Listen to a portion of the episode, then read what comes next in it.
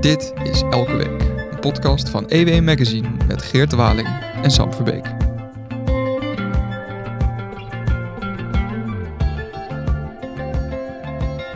Geert, wat goed dat je er bent. Ja, fijn Sam. Uh, fijn dat jij er bent. Um, ja, vorige maand had jij een uh, podcast opgenomen met onze collega Gerlof Leistra, onze crime-journalist uh, van de redactie.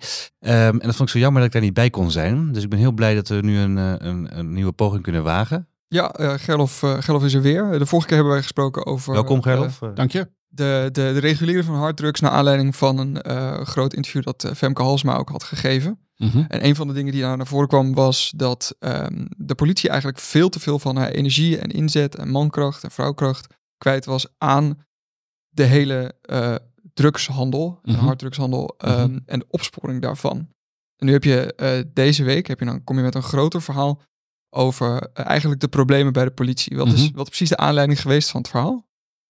Nou, je kunt altijd over de politie schrijven, maar nu is concrete aanleiding dat 1 maart Jannie Knol begint als de nieuwe korpschef. De eerste vrouwelijke korpschef van de nationale politie. Zij volgt Henk van Essen op.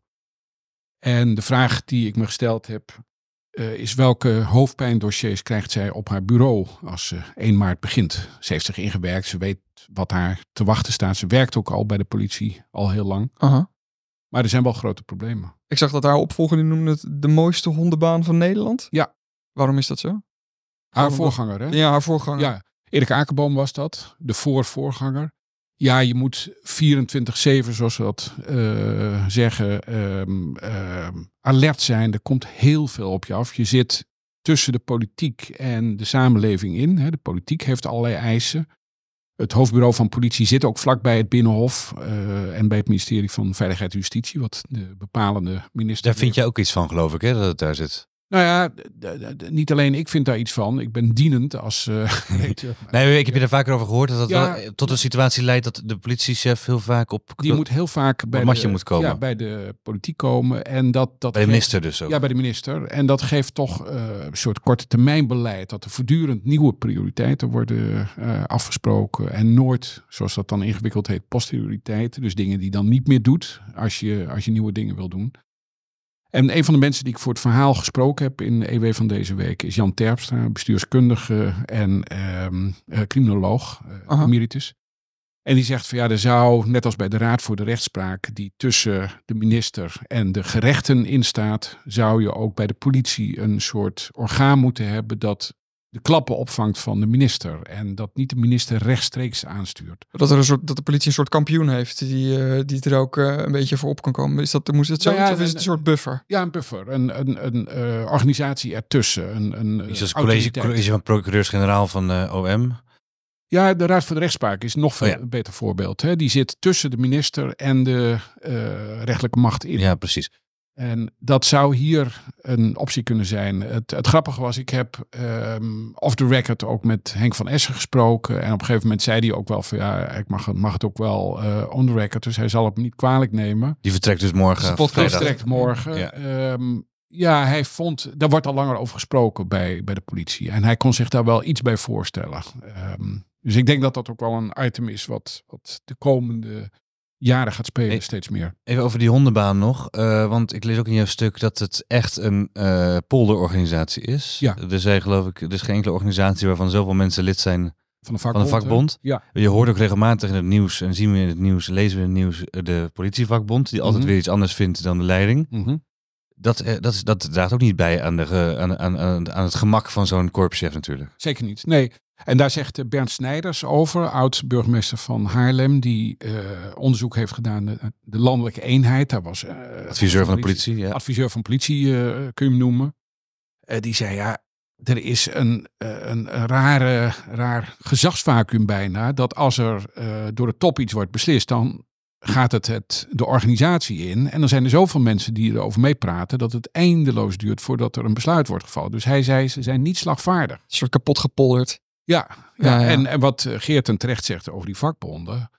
Uh, kijk, vakbonden hebben natuurlijk allerlei eisen. Niet alleen over honorering, maar ook over welke tijden uh, werk je. Hoe wordt dat gecompenseerd? Uh, op zich begrijpelijk. Dus alles wat je wilt doen als leidinggevende van zo'n organisatie... wordt eigenlijk stuk geslagen in dat proces? Of het dreigt in ieder geval vast te lopen in die, in die machine? Ja, vastgelopen is een goed woord. Het is één groot moeras van medebeslissers die uh, eindeloos kunnen traineren. En uh, ja, het, bij crisissituaties is de politie op zijn best. Dan, dan is de nationale politie ook beter dan wat we vroeger hadden, die regionale korpsen. Dan kan er heel snel opgeschaald worden, zoals we dat mooi noemen. Mm Dat zien we ook wel. Hè, als, als de boeren protesteren en het loopt uit de hand, nou dan, dan komen uh, alle korpsen, of alle eenheden moet ik zeggen, in het geweer. Maar ja, het nadeel van die chefjescultuur is dat er zoveel mensen mee praten dat het uh, niet snel tot, een, uh, tot, tot daadkracht komt voor gewone zaken. Misschien moeten we ook eventjes terug naar het verhaal wat, ja. je, wat je gemaakt hebt. Mm -hmm. Want jij wilde een, geloof ik een grote inventaris maken van de, toch de taken die Jannie Knol, tenminste de problemen waarmee ja. je zegt het worden gekoppeld. dossiers. Precies, ja. precies. Um, hoe ben je daar mee aan de slag gegaan? Want je hebt ook meegelopen met de politie, heb ik begrepen. Ja, eigenlijk op twee manieren. Sorry twee manieren. Um, door veel te praten met mensen van de politie, maar ook met uh, de politiewatchers, hè, de, de criminologen, de bestuurskundigen, uh, mensen van het Openbaar Ministerie, uh, burgemeesters, mensen van de vakbond. maar ik ben ook zelf een nacht op stap geweest met de politie in Zwolle om niet alleen te zien wat het werk inhoudt, en dat doe ik wel vaker dat ik met politie meeloop, maar ook te horen wat zijn nou volgens jullie problemen, waar lopen jullie tegenaan? En dan kun je één op één, al die hoofdpijndossiers, kom je ook tegen in de praktijk. Zeker in de nacht. En zeggen de academici en de uh, politieagenten een beetje hetzelfde? Of, ja. of loopt het nog wel hier uit elkaar? Ja, één, één groot punt is wat uh, Cyril Feyenoord, bekend criminoloog, ook iemand die heel veel over de politie heeft geschreven, dikke boeken over de politie heeft geschreven, volgt het goed. Die zei de politie is onzichtbaar. He, je ziet ze op straat te weinig. Hij vergelijkt hem met een Tiroler koekoeksklok. Zo nu dan piept er een politiemannetje of vrouwtje tevoorschijn. En dan is vooral op gezette tijden als het misgaat. uh, ja, ja, als, nou ja, als, er een, een, probleem is, dan hij, hij woont in, in Tilburg. Hij zei, ja, wanneer zie ik de politie? Als ze met uh, een bloedvaart en gillende sirene over de ringbaan uh, rijden. Maar gewoon, ja. ik, ik, doe, ik doe altijd de proeven. Wanneer zie ik, als ik mijn huis verlaat, wanneer zie ik de eerste agent? Als je onderweg komt naar de redactie bijvoorbeeld. Onderweg. En, en, en hoe lang duurt dat bij jou? Uh, soms zie ik niemand.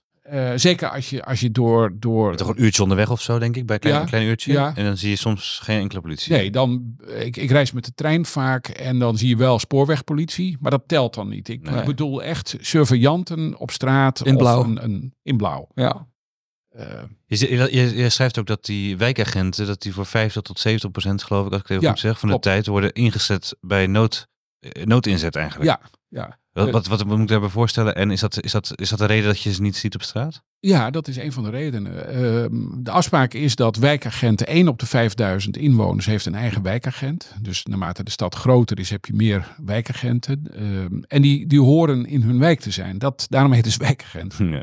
Maar er zijn zoveel tekorten bij de politie. Die tekorten zijn zo groot dat de noodhulp, de 112, uh, niet kan functioneren zonder inzet van onder andere de wijkagenten. En die zijn precies wat je zegt. 50 tot 70. Dus die komen, die komen s ochtends uh, voor een shift komen ze dan op het politiebureau en dan uh, is het van nou ga ik vandaag deze, deze weer mijn week, gewoon mijn week in en dan, wordt, dan staat ja. nee nee sorry jij gaat dus dan, je gaat de auto in en, en, ja. en naar ongevallen rijden. Nee, of dan, de... het, het, wordt gewoon ingeroosterd, nog veel erger. Ja. Heb jij wel eens contact gehad met je wijkagent, Geert? Uh, je Willem heet hij, geloof ik. Uh, ik weet wel dat hij er is. En al jaren zie ik zijn naam staan op uh, communicatie die wij krijgen in de buurt. Ik woon ook in een buurt waar enigszins de mokromafia gevestigd is in Amsterdam. Dus dat is wel een buurt waar nog wel eens wat gebeurt.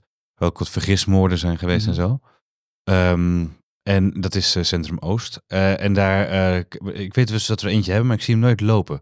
Maar aan de andere kant moet ik zeggen, maar dat is Amsterdam, hè? En ik ga meteen met de Amsterdamse accent praten, omdat ik naast Sam uit Amsterdam zit. Maar eh, ik moet wel zeggen dat ik over de politie inzet in Amsterdam niet ontevreden ben. Want ik heb best wel eens een paar keer moeten bellen afgelopen jaren. Uh, als er wat was, als ik een dreigende situatie uh, ervoer. Of als zag, iets zag gebeuren. En dan ben ik wel zo'n brave burger die dan 112 belt en zo.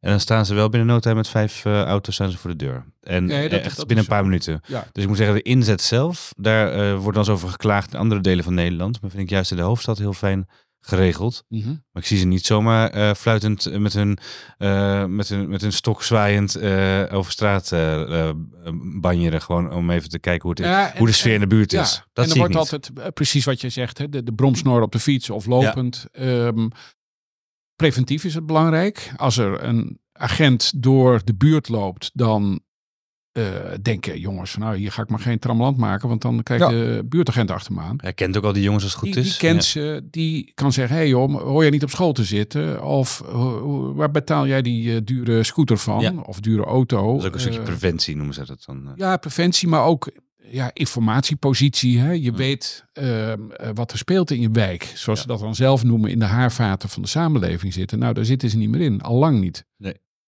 En tegelijkertijd moet ik zeggen, uh, als je dan weer zo'n nacht met politie meeloopt, de individuele agent is fantastisch. Ja, vertel eens, want je kwam een dag of twee dagen later kwam je op de redactie. Ja. Uh, toen je uitgeslapen was, denk ik. Ja. Uh, en toen vertelde je dat je zo onder de indruk was van die ja. nacht. Kun je dat dan even van onze luisteraars ook overbrengen? Dat nou gevoel? ja, dat, dat, um, ik, ik reed dan mee met uh, de officier van dienst, zoals dat heet, de leidinggevende van uh, het team dat daar s'nachts werkt. In Zwolle? In Zwolle, Alrik van den Berg, vanuit het hoofdbureau. Hoeveel agenten werken er dan zo in zo'n Zwolle? Uh, er waren normaal gesproken zes, maar omdat het de laatste carnavalsnacht was, 11 februari, waren er twee extra. Dus acht, acht mensen ja. die voor de hele stad... Goeie avond ook om mee te gaan.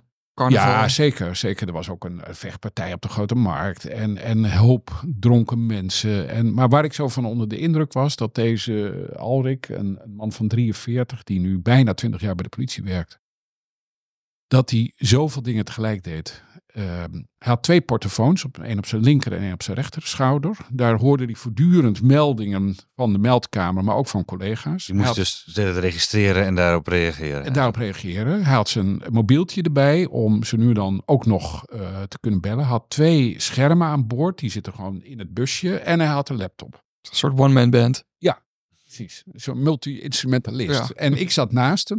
hij was ook nog in staat om mij uit te leggen wat hij deed. En zo nu en dan dacht ik van, is hij nou, is hij nou aan het doen? Dan zat hij een beetje in zichzelf te praten. Maar dan was hij gewoon een melding aan het doorpraten. Dat, zo'n zo andere schouder, ja, ja, ja, ja. En, maar zo fantastisch. En dan ook nog even met de bloedgang naar een, een, een melding. En, um, en schrok jij van het type melding dat je dan krijgt op zo'n nacht? Het is een zondagavond laat en zo'n nacht in nou, zondag ik maandag. Wel, in, in zo'n provinciestad denk je van nou, het zal een rustige nacht zijn. Hè, dat, dat er op carnaval een paar klappen vallen, dat, dat, dat ja. verwacht je. Maar een explosief aan een voordeur.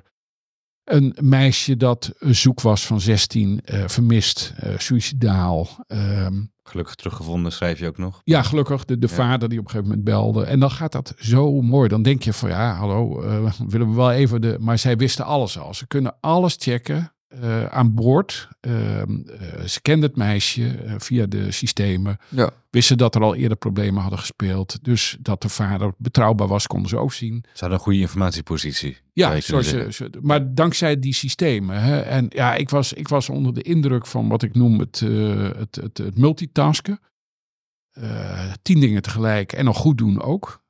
En van hun en dat lijkt een beetje haaks te staan wat ik in het begin zei, slagvaardigheid. Uh, maar de daadkracht in de praktijk is gigantisch. En toch uh, uh, hebben ze, heeft denk ik Alrik ook ja. zelf wel de indruk dat hij te veel moet multitasken, toch? Ja, hij, hij kon het zelf wonderlijk goed. En ik vond dat hij heel, heel uh, snel en makkelijk alles deed en goed overlegde, goede beslissingen nam. Ook tijd nam waar het nodig is. Als ik één voorbeeld mag geven, wat, wat mij erg, uh, nou wel ontroerde zelfs. Uh, ik zag een jongetje aankomen op een fiets zonder licht. En het was kwart voor twaalf. Dus ik zei, als ik zonder oh. licht. Ja, ja, ik ben een Foei. klikker. Foei. Ja. Ik kom uit een goed nest. Grijp hem, grijp hem.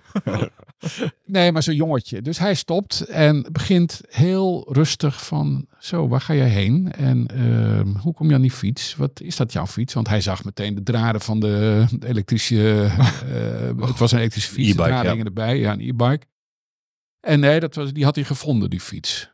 Nou, oké, okay, sure. dat, dat is al een beetje raar. Maar kwart voor twaalf, hoe oud ben je? Ja, net twee dagen dertien. Wat doe je op straat? Ja, ik ben onderweg naar huis. Mijn moeder weet dat ik eraan kom. Nou, misschien moet je even je moeder uh, zeggen dat wij meekomen. Dan gaat hij, dus de fiets werd in de bus geladen, mee met het jongetje naar een flat uh, in Holtenbroek. Een, een, een, toch een probleemwijk. Was het lang rijden? Nee, dat was 10 minuten. Volkswijk in, uh, in Zwolle. Ja, Volkswijk in Zwolle. Echt zo'n nou, een soort de Bijlmer van Zwolle zou je kunnen zeggen. We kwamen daar, had hij al nagekeken wat voor situatie we zouden aantreffen. Een alleenstaande moeder met vijf kinderen van vijf verschillende mannen. Uh, uh, allemaal in beeld van jeugdzorg. We komen naar binnen en twee broertjes keken zo van, oh, er komt een agent binnen en gingen gewoon door. Nog in de kleren om kwart voor twaalf. Uh, ventjes van acht en zes of zo. Mm. En die reactie, uh, ik, ik, heb ook drie oudere broertjes, nou, als, of broers zijn het inmiddels. Als er bij ons een politieagent binnen zou komen, dan zouden we meteen onder de rokken van mijn moeder kruipen. Van, wauw, maar er komt een agent binnen. Voor hun was het heel normaal. En wat hij vervolgens deed, heel rustig, niet, niet zeggen van mevrouw, dit, uh, en u krijgt een bekeuring want uw zoon uh, fiets is onderlicht. Nee, moet hij morgen naar school? Ja, hij moet naar school. Oh, Oké, wat voor school zit hij? En gaat het daar een beetje? En um, kunt u het een beetje volhouden? Uh, dat is ook wel ontroerend eigenlijk. Dat hij dan vond toch, ik ook. ondanks dat, dat die drukte, Ja. die stress Ja. en het multitasken en die portofoons en die schermen, et cetera, dat hij dan toch nog een tijd neemt om even een persoonlijk gesprek te voeren om te weten knap. hoe het gaat. Precies wat jij zegt. Ik vond het ook ontroerend. Maar ook heel belangrijk dat de politie dan niet eh, de, de boze buitenwereld is die zegt... nou, je krijgt een boete, want je reed zonder licht. En je hebt de fiets misschien gestolen. Gaan we allemaal verbaliseren. Nee, wij nemen die fiets mee. Gaan kijken of we via het vreemdnummer kunnen achterhalen. eh, of Je hem gevonden, en dus dat gaan we even aannemen dat Ja. dat klopt. Ja. En, eh, maar als we jou, we, sch- we schrijven het op, het wordt wel vastgelegd, maar zorg ervoor dat je niet nog een keer s'avonds laat op deze manier met de politie. Op gevonden fiets, eh, dan rijden. heb je misschien, Precies, dan heb je misschien wel een probleem. Dus wordt wel geregistreerd, maar er wordt Het eigenlijk wordt niet gestraft. Zo is het. Maar hij is wel in beeld. ja. En, en dat iemand, eh, terwijl je het volgende moment staat bij een, bij een explosief aan een deur, of komt er een melding over een, een eh, wietplantage bij mensen thuis, van 250 planten, wat toch redelijk groot is. Ja, dan, dan vind ik dat knap dat ze die, dat schakelen zo goed beheersen en altijd rustig blijven. Ik zou zo nu dan, ehm, ja, ik zou niet worden. kunnen multitasken, daar begint het al mee. Je zou woedend worden op zo'n moeder. Ik zou, ja, ik zou zeggen, "Me- mevrouw, die kan toch niet, uw, uw zoon hoort toch al lang op bed te liggen. Nee, gewoon de toon aanpassen aan wat je daar treft. En toch, eh, dat, dat, dat merk ik ook aan je verhaal, is dat eh, wijkproblemen eigenlijk ook niet altijd politieproblemen zijn. Nee, Hè, dat dit, eh, dat, dat, staat er ook letterlijk in. Ja, hè? dat, dat, dat Ja. hoor je ook van wijkagenten. Ja. Hoe, ehm, dat, moet, ook- dat moet ook een bron van, van frustratie voor hun zijn. Want ja, ja. dit, dit, dit moet natuurlijk is ook... ook een bron van frustratie. Er komt er in het verhaal ook eh Bertolt Snippen, een, een eh, brigadier die 21 jaar bij de politie werkt. Eh, wat ik van hem zag, fantastische agent, net als Alrik en zijn collega's. Die zei van ja, ik, ik wilde zo graag in die wijk werken, in Holtenbroek. Daar heb ik een functie al vijf jaar, maar ik word steeds minder eh in staat gesteld om dat te doen. Dus ik stap op. Die, Hij stopt ermee, hè? ja, die, is de- die gaat naar de gemeente Zwolle. En dan mag de gemeente Zwolle de handen mee dichtknijpen, maar de politie verliest weer Hij wordt ambtenaar voor de gemeente gewoon. ja, Dus hij- hij, hij gaat fraude opsporen. Woningfraude. Ehm, maar dat zo'n ervaren, goede politieman op een gegeven moment zegt van ja, ik wil in mijn wijk en als dat niet kan, dan, dan ga ik weg. Ja, dat zullen ze veel meer gebeuren. Dus dat beschrijf ik ook. Er is een enorme uitstroom van zestigers. Hè, mensen, van mijn leeftijd die op een gegeven Ja. moment eh, met pensioen gaan. Dat zie je natuurlijk in elke sector. Zie je in elke sector. Maar ehm, eh, de vervanging is een groot probleem. Dus de ervaring lekt weg. En als er dan ook nog mensen van, van 30 en 40 eh, naar andere werkgevers vertrekken. omdat ze niet meer tevreden zijn over wat ze, wat ze kunnen doen. dan snijdt het mes wel op twee plekken heel hard. Ja, want ik dacht ook iets van een soort van een naar beneden gaande spiraal in het, in het verhaal te, te lezen. Dat aan de ene kant hè, het, wordt de bezetting van de politie wordt steeds dunner. Mhm. Waardoor zij ook sommige eh, zaken gewoon niet op kunnen pakken. Als Ja. aangifte wordt gedaan, gestolen, gestolen fiets, tot een winkeldiefstal, dat soort dingen. Ja. En dat daardoor eh, winkels bijvoorbeeld zelf beveiliging gaan inzetten. Ja, maar ik kan, me al langer natuurlijk. Maar, ja, ik kan me voorstellen dat die beveiligers, ja, dat is toch een soort zachte vorm van een politieagent. Zeker. Dat zouden misschien wel ook politieagenten kunnen zijn geweest of kunnen worden. Zo van, is, is, Ja, wij, wij dachten vroeger, eh, als je fiets gestolen wordt, ga je naar het politiebureau, je doet aangifte en gaan ze kijken of ze er iets mee kunnen. Van, oh, dat is al de tiende fiets in die straat. Misschien moeten we eens camerabeelden opvragen om te kijken of daar eh, eh, overeenkomsten zijn. Je beetje, nog een klein beetje hoop dat je je fiets zelfs kon terug Ja, als het ja, eh, nee. En zelfs, Ja. zelfs fietsen van, van 2.000, 3.000 euro, e-bikes.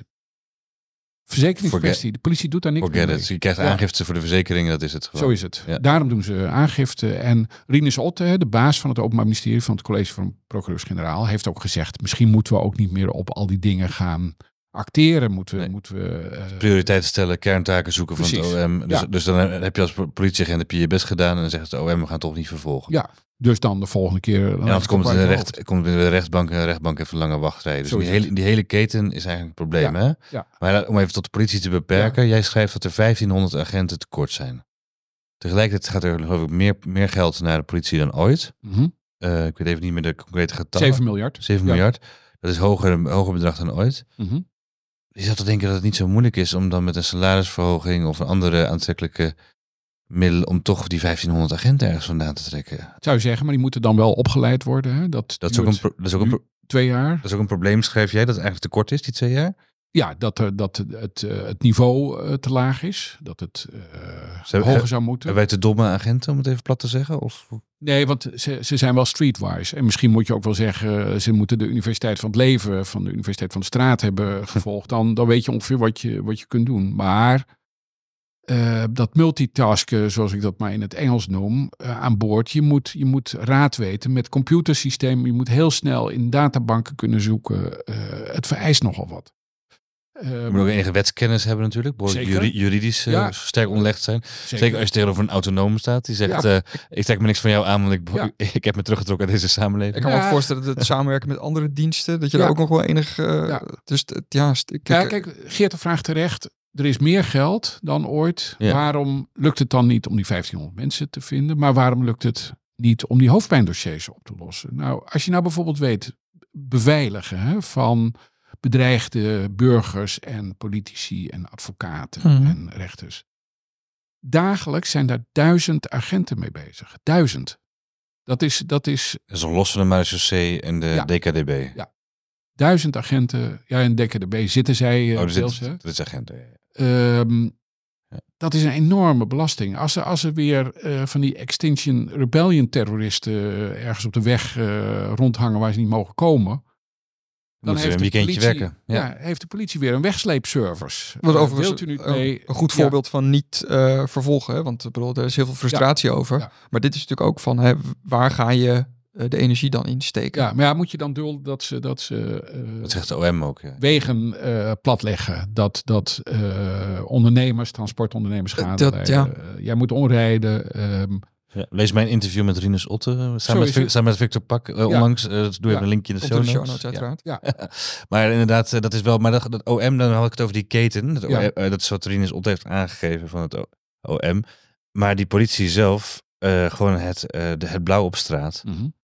Ehm, er moet toch mogelijk zijn om dat, om, om dat op een bepaalde manier voor zo'n Jannie Knol, hè, de nieuwe korps. Laat even vanuit haar perspectief bekijken. Wat zou jij nu doen als jij Jannie Knol was en je gaat, eh dit is vrijdag 1 maart beginnen. Wat is dan het eerste wat je doet om meer blauw op straat te krijgen? Zou ik eerst ehm, de Elsevier heel goed lezen? Kijk, Terecht. wat, wat moet ik doen? Nee, haar, eh, eigen, in- eh, haar eigen artikel staat er dan op, die dag in. Ja, dat is ja, fijn, ja. nee, zij moet heel goed eh, nadenken welke prioriteiten hebben de meeste prioriteiten, om het even lelijk te zeggen. Waar ga ik het eerst mee aan de slag? En hoe kan ik slimmer en effectiever werken? Wat zou jij doen?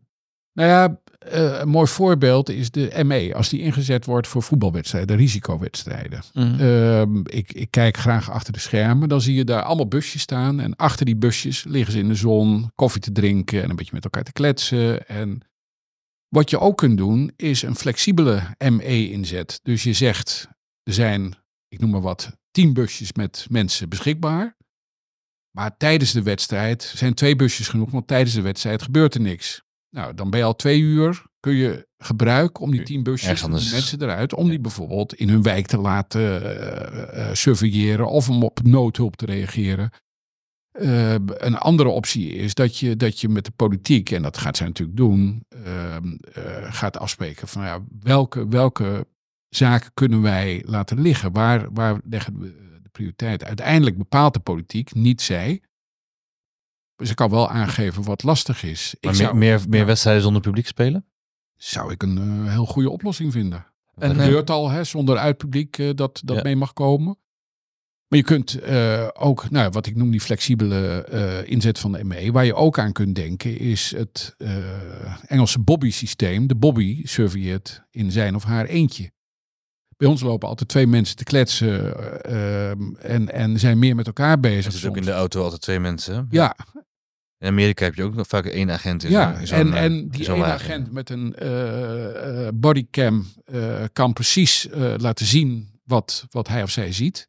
Heeft verbinding met de collega's met, met het hoofdbureau. En dan zegt de, zegt de politievakbond, ja, maar dat is gevaarlijk. Of zeggen ze dat niet? Mm, Ja, dat zouden ze kunnen zeggen. Maar je kunt ook zeggen, naarmate er meer mensen op straat zijn, is er minder gevaar. Hè? Dus preventie is ook, eh, voorkomt dat er eh, noodhulp eh, moet komen. Wat, Ja. Toch is, is ook een van de hoofdpijndossiers die we nog niet helemaal hebben Ja. aangestipt. Is natuurlijk de, de grote war on drugs. Daar hebben Ja. wij natuurlijk vorige maand al Ja. over gesproken. Ja. Ehm, Zet ook even een linkje in de show notes. uiteraard komt erbij, aflevering 6 van dit jaar. Mhm. Hoe, hoe hoog op het prioriteitenlijst tussen de prioriteiten zou die wat jou betreft moeten staan bij Jannie Knol? Hoog. Ehm, kijk, eh, Femke Halsma als burgemeester van Amsterdam. Zij op het congres en in een stuk voor The Guardian heeft ze geschreven. Zij op een, op een drugscongres dat 80% van de capaciteit van de politie opgaat aan drugs. Dat lijkt mij aan de hoge kant. Ik heb het her en der gecheckt. Men zegt 50 tot 60%. Maar is nog belachelijk veel. Ja. Meer dan de helft van de tijd van iedere agent gaat op aan Drugsgerelateerd eh, is werk. drugsgerelateerd. Ja. Ehm, het grappige is, een van de mensen die ik sprak eh, is Bert Wijbega, eh, burgemeester van Vlaanderen. Een, Vlaardingen. Sorry, eh, Ja. Vlaardingen. Heel goed. De, de, de, de gemeente met de loodgieter waar al tien aanslagen op één huis gepleegd zijn en zo. Zo is het. Ja. Ehm, eh, explosieven aan de, aan de voordeur en aan de gevel. Ehm, een, een stad met redelijk wat problemen. Maar Wijbega is VVD'er. Maar ook oud-korpschef van destijds eh, Flevoland. Heeft 29 jaar bij de politie gezeten. Ja. En wat ik interessant vond, dat een VVD'er uiteindelijk zegt... we moeten toch nadenken over het voorstel voor reguleren. Niet legaliseren, die fout wordt steeds gemaakt. Dat wordt op één hoop gegooid. Reguleren. Harddrugs blijft illegaal, maar je gaat het wel reguleren. Reguleren. Je gaat, je gaat proberen met, met regels ehm, eh, de verkoop ehm, eh, en vooral de productie. Dus nieuw gedoogbeleid neer te zetten. Zo is het. Zo is het. En ik vond het interessant dat een VVD-burgemeester dat in de mond durft te nemen, terwijl die weet dat eh, minister Jezelgus, als minister van Veiligheid en Justitie en, Ja. en nu de, de baas van de VVD, in mijn ogen zeer ge- ongenuanceerd meteen roept van nou, daar kunnen we niks mee, dat doen we niet, dat willen we niet. Je ziet dat in het land er heel serieus over wordt nagedacht. Omdat wat Wijbega ook zei, en dan kwam die 80% wel terug, 80% van de zaken waar hij voor uit bed gebeld wordt, hebben met drugs te maken. Ja. Ja. Nou ja, wil je, wil je de, de capaciteit van de politie nuttig inzetten, dan moet je de vraag stellen of een dossier waar je zoveel tijd, meer dan de helft van de, van de mensen, eh, zoveel tijd mee bezig is, of je dat niet op een andere manier moet aanpakken. En toch eh, ehm, eh, van het volgende dossier, dat gaat dan over de, het eh, opleidingsniveau van, Mhm. van de agent. We hadden net al ehm, de, de tegenstelling tussen, of tenminste de tegenstelling, de combinatie van en street smart, Ja. maar toch ook echt een goed opleidingsniveau. Ja. Er wordt geschreven van er is geen historisch besef Ja. bij, eh, bij veel van de agenten die Ja. eh, op straat zijn. Nou, eh, Geert, jij bent historicus. Ja. Jij ook, hè, Gerlof? Ja. Wat voor historisch besef moet de, moeten die agenten precies hebben? Ja, dat is wat Cyril Feinhout zegt, hè, die criminoloog, die eh, bijvoorbeeld bekend was van de IRT-enquête in de jaren negentig. Daar Ja. leidde hij de wetenschappers. Hij heeft dikke boek over de politie geschreven. Hij zegt, veel agenten hebben al niet meer kennis van wat er in die IRT-tijd op het spel stond. Die houden de vakliteratuur niet bij. Die weten al helemaal niet wat er in het buitenland speelt. Ja. En eh, ja, een, eh, dat, dat kan Geerten eh, Ja. als historicus beamen. Een, een eh, burger zonder historisch besef ja, is als een eh, kapitein eh, zonder, zonder radar. Die, die, die weet niet welke kant hij op moet. Ja, het probleem is dat je dan ook in rondjes gaat varen. En dat doe je natuurlijk in de om even deze metafoor Ja. uit te spinnen. Ja. Maar dan, dan, dat doe je dan- wel natuurlijk ook bij de politie. Als je inderdaad steeds weer diezelfde fouten begaat. Als je daar niet van leert. Ja. Dat is dus institutioneel geheugen eigenlijk. Hè? Dat, is dus, dat is dus weg. Ehm, er moet er ook meer ruimte komen, misschien wel voor bijscholing. Voor, eh, Zeker. nou ja, wat, wat hij, eh wat. Feyenoord, Feyenoord zegt. En, en Jan Terpstra ook, ook oud-hoogleraar, die ik voor het verhaal gesproken heb. Je moet ook naar de leidinggevenden kijken. Ehm, bij de Defensie heb je een aparte eigen leergangen. Hè, de Defensieleergangen, eh dat is op universitair niveau. Ehm, de eh, politieacademie is mbo, hooguit hbo, maar niet universitair. En nou is niet, ik zei al, uh, streetwise, universiteit van het leven is belangrijker dan, dan de kennis in je hoofd. Dat je weet hoe je moet uh, optreden. Maar om, om een organisatie te leiden heb je, heb je mensen nodig die ook uh, bestuurskundige inzicht hebben, politiek uh, weten wat er speelt, historisch besef. Juridisch, ja. Juridisch. Um, en dat doen ze nu allemaal. Hè. Bijvoorbeeld Jannie Knol is uiteindelijk rechter gaan studeren terwijl ze bij de politie werkte. Hij heeft uh, de, bij de Algemene Bestuursdienst uh, twee jaar uh, meegelopen, zal ik maar zeggen. Ambtenarenopleidingssysteem. Ambtenarenopleiding. Maar ja. er zou een eigen politieopleiding op universitair niveau moeten komen. En toch nog één vraag erover. Ja. Is, worden de boeven slimmer of worden de misdaden complexer? wat wat, wat nou ja, moet de burgers, veranderen? Hè, de, de, van, de, van de generatie 18 tot 35 heeft 55% een HBO-opleiding. Ja, ja. 18 nog niet, want die moeten nog beginnen. Maar de, de burgers zijn hoger opgeleid dan de agenten. Dus je krijgt ook een, een, een, een, uh, ja, een, een kloof in. Ja, intelligentie is een beetje flauw gezegd. Maar je hebt wel nog wat nodig om ook al die digitale systemen uh, te kunnen leren. Om te, organisaties te kunnen doorzien. Gerlof, eh, mijn laatste vraag ja. uh, zou zijn, je hebt nogal een hoge politiepet op van uh, Jannie Knol. Uh, wat denk ik, als je, je hebt hoge verwachtingen van haar, of op zijn minst schrijf je dat zij veel ervaring heeft en ja. dat vertel je net ook. Ja. wat is jouw verwachting van haar tijd als korpschef? Denk je dat zij de krachten heeft, ook in die mannenwereld, voor het eerst als vrouw aan de top, om wel die politieke, interne, externe politieke krachten en die, al die problemen die je hebt benoemd, om die uh, te lijf te gaan? Ik vond haar, ik, ik maakte haar een maand of drie geleden mee tijdens een politiedebat, waar ik ook een van de debatterenden was en zij ook. Ik vond haar heel stevig, tegelijkertijd heel nuchter. Uh, waar ik haar als, als buitenstaander voor zou willen waarschuwen, is niet te popiopie. Je, je, bent, je, je hebt een functie die een bepaalde uitstraling moet hebben. En ik vond haar een beetje popiopie doen. Zeg gevoelig voor het Ellie Lust uh, syndroom? Of, uh... Nou ja, ja, gewoon te, te ja, ik, ik, ik vind dat, dat, dat bij de uitstraling van je ambt hoort Dat je, dat je, ja, je moet, je moet niet te veel grappen maken. Eh, Etendiscipline zou ik zeggen. Etendiscipline, heel goed. zij, zij, zij, is wel de, de, de, zij is wel de nuchtere, uh, in Rotterdam geboren korpschef. Kijk even naar Sam. Uh, maar ik, ik, heb wel ja. verwachtingen van haar. Ik vind het ook heel goed een vrouw.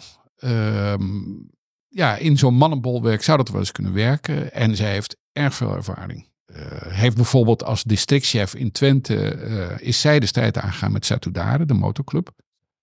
Uh, die met de FC Twente, hè, de, de, de drugsverkoop ja, in het ja. stadion liep via... Het via spelershome of ja, precies. de fans, fans home. Nou, dan moet je wel lef hebben. ze, heeft, ja, ze heeft echt heel veel ervaring. Is nog relatief jong, 54 dacht ik. Dus ik verwacht er wel wat van. Heel benieuwd, Gerlof. Uh, namens EW wensen we natuurlijk Jannie Knol uh, heel veel succes. Uh, Gerlof, heel erg bedankt dat je hier je uitleg wilde geven over de staat van de politie. En we spreken je snel weer. Zeker. Dit was Elke Week, een podcast van EW Magazine met Geert de Waling en mij, Sam Verbeek. Zoals elke week kan je de besproken artikelen ook vinden in onze show notes. Voor dit een leuke podcast, abonneer je dan en laat een leuke review achter. Heb je vragen of opmerkingen? Geert kan je op Twitter vinden onder Geert de Waling. Ik ben op Twitter te vinden onder samwv. Je mag me natuurlijk ook mailen naar sam.verbeek.ewmagazine.nl Dank voor het luisteren naar elke week. Tot volgende